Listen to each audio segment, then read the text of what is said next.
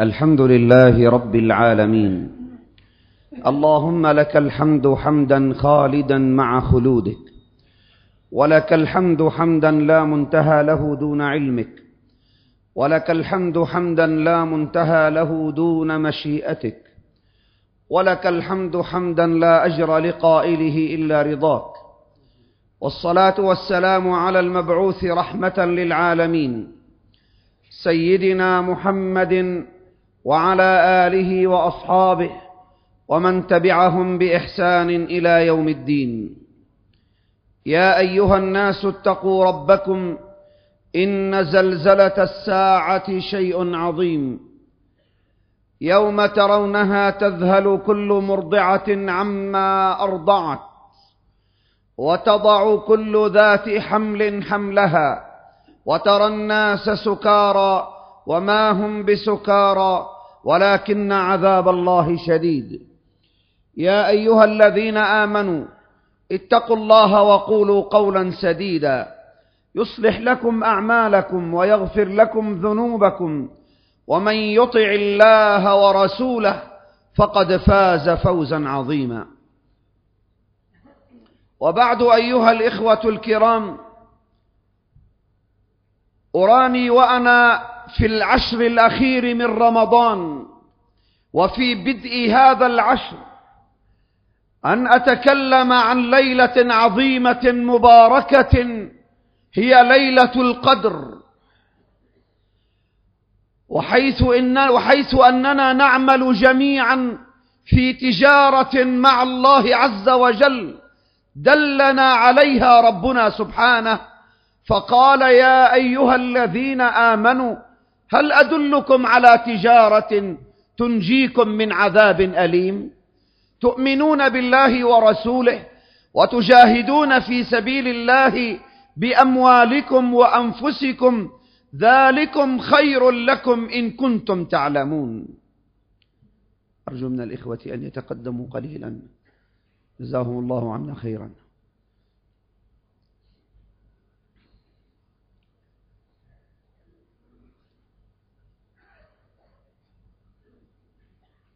خاصة إخواننا الذين على الأبواب يتسنى للإخوة المتأخرين الجلوس. جزاهم الله خيرا.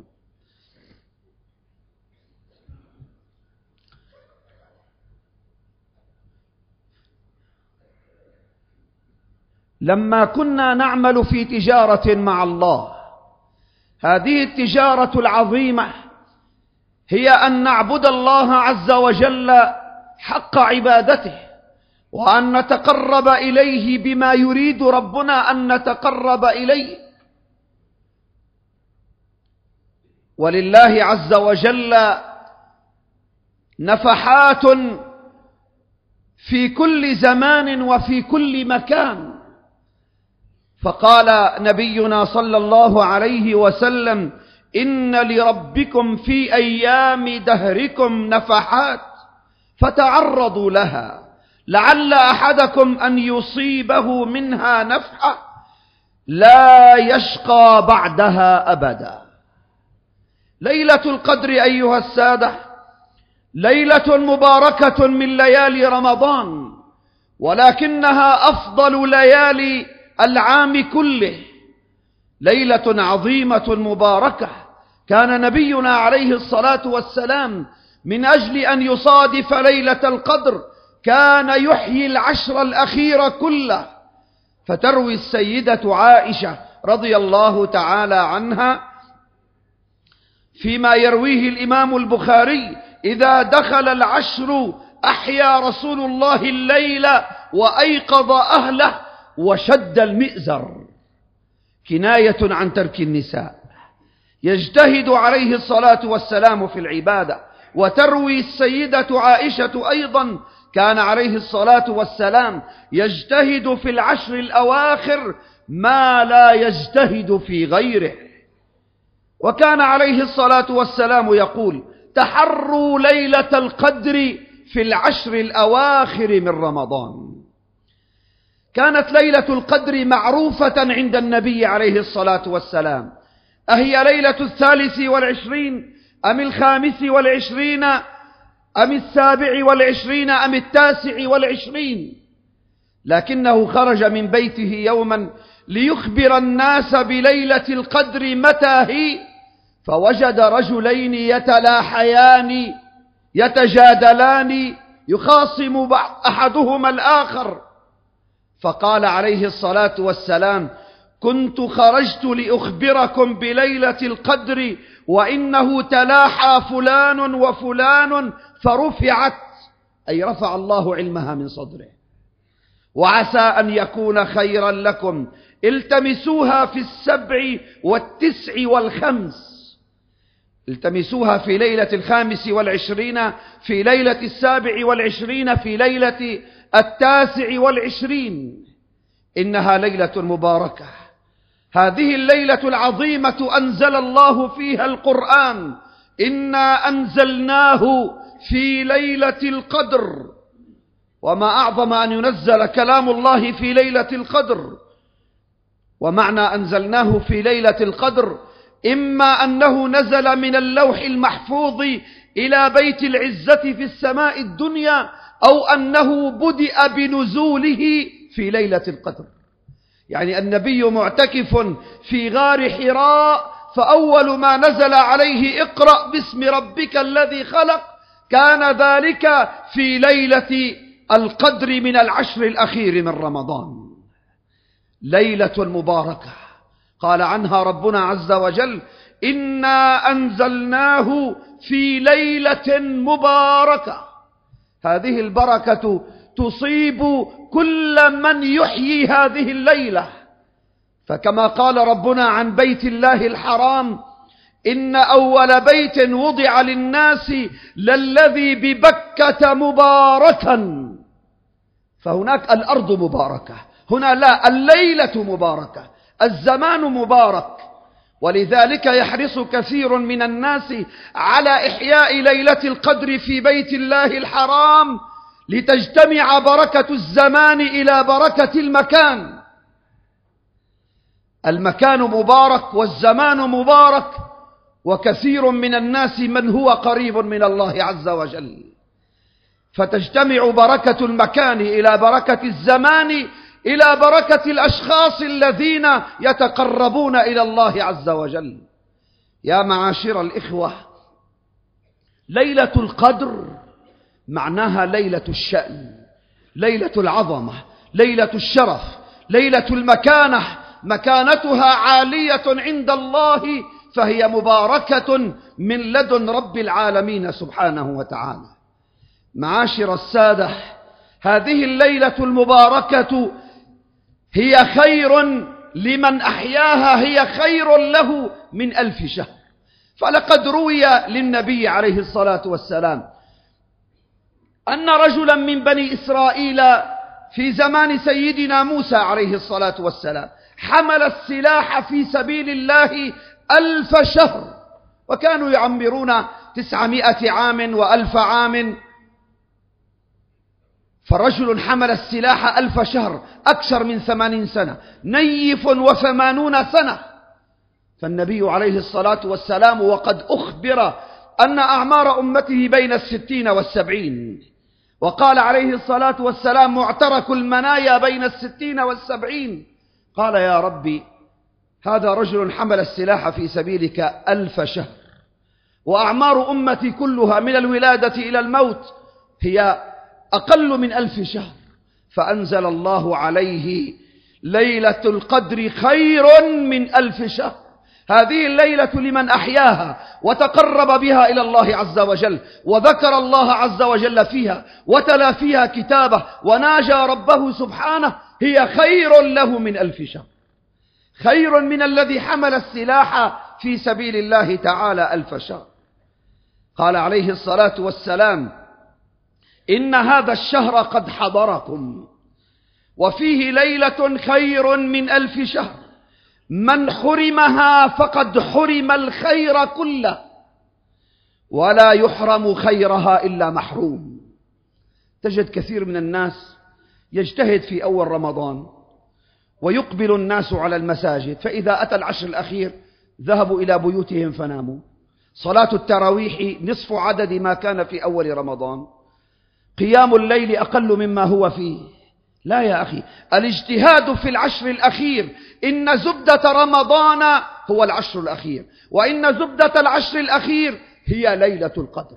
ولا يمكن لواحد منا أن يعرف ليلة القدر إلا أنها في العشر الأواخر. ندبنا النبي أن نجتهد في العبادة العشر كله لنصادف ليلة القدر. وما هو الاجتهاد أيها الإخوة؟ ليس معناها أن تحيي الليل كله. لا. إذا قمت قبل الفجر أو في الثانية ليلا فصليت ركعتين أو أربع ركعات دعوت فيها الله عز وجل وتلوت فيها شيئا من القرآن ثم رفعت يديك فقلت كما أمرك الحبيب المصطفى عليه الصلاة والسلام. لما سألته السيدة عائشة يا رسول الله إذا رأيت ليلة القدر فماذا أقول؟ قال قولي اللهم إنك عفو تحب العفو فاعف عني. يجتهد في العبادة في هذا العشر فإن أحيا العشر يعني اجتهد بالعبادة فيه في الليل لا بد إلا أن يصادف ليلة القدر إن شاء الله تعالى. وكان عليه الصلاة والسلام. إذا دخل العشر الأخير من رمضان في عشرين رمضان ليلة الواحد والعشرين يدخل إلى مسجده فلا يخرج منه إلا بعد صلاة العيد. يعتكف في المسجد عشرة أيام ينقطع فيها إلى الله. وكم نحن بحاجة أيها الإخوة إلى خلوة المصطفى عليه الصلاة والسلام. كم نحن بحاجة إلى أن يدخل الإنسان المسجد لمدة يوم كامل أو لمدة ليلة كاملة أو ليالي معدودات يعيش فيها في المسجد. لا يعصي الله عز وجل أبدا. نحن في تجارة مع الله أيها السادة. إذا قام الإنسان ليلة القدر فماذا له من ثواب؟ قال عليه الصلاة والسلام من قام ليلة القدر إيمانا واحتسابا. إيمانا أي قناعة وعقيدة. واحتسابا أي طلبا للأجر من الله. من قام ليلة القدر إيمانا واحتسابا غفر له ما تقدم من ذنبه. كل شيء سبق من الذنوب غير الكبائر الله عز وجل يغفرها.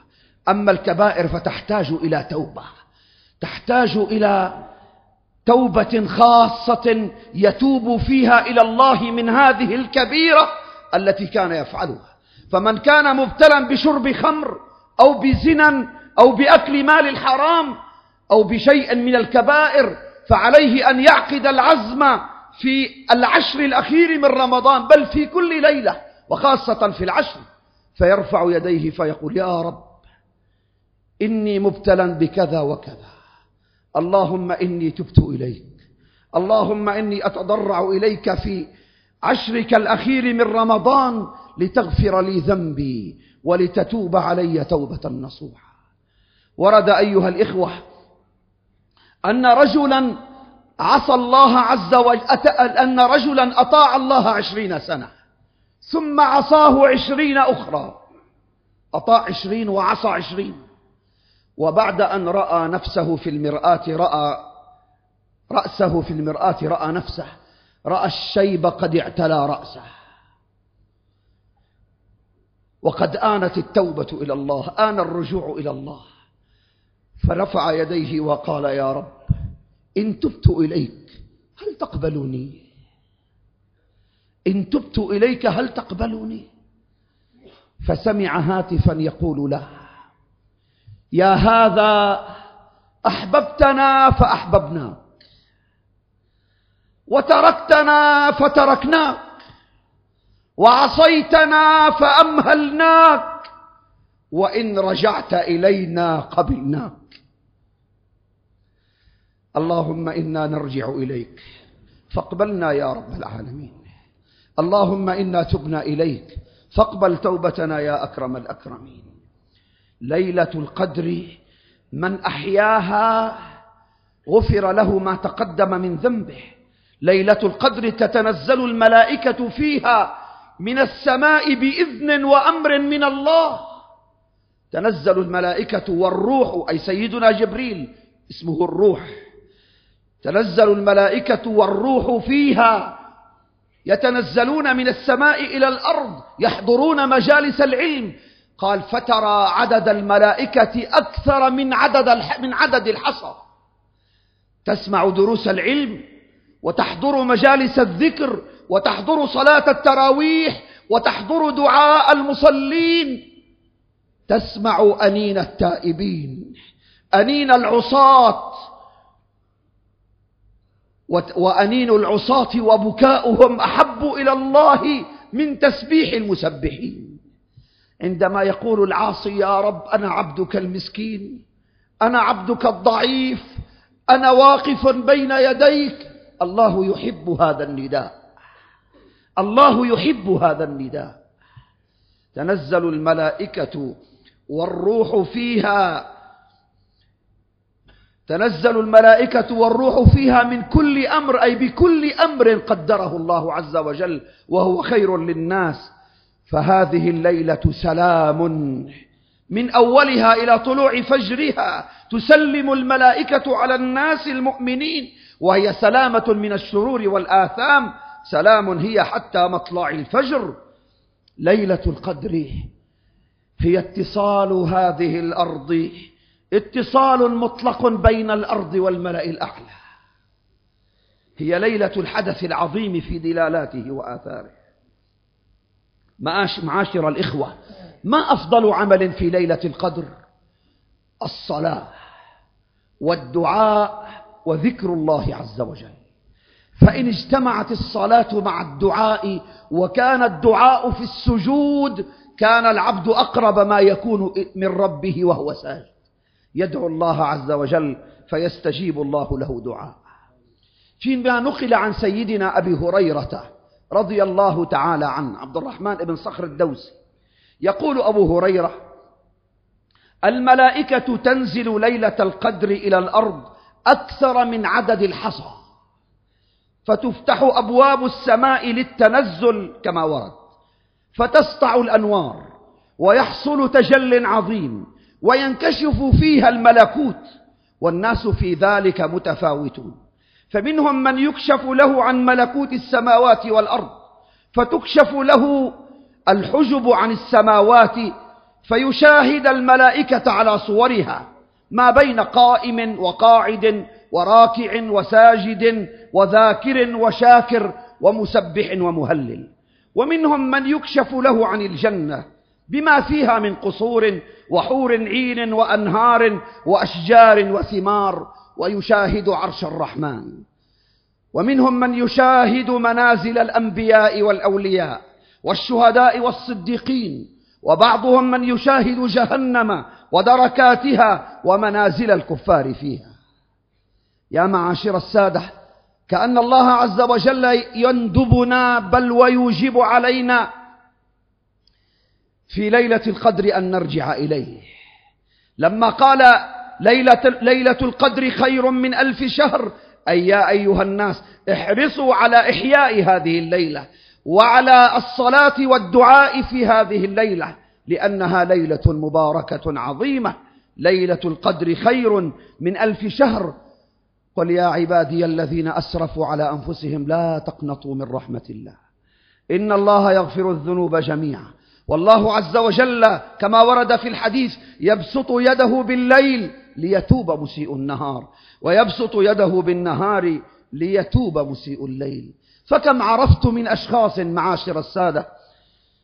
كم عرفت من أشخاص بدأوا حياتهم الإيمانية في ليلة القدر؟ تابوا إلى الله عز وجل واستمرت توبتهم واستمرت علاقتهم مع الله على أحسن حال.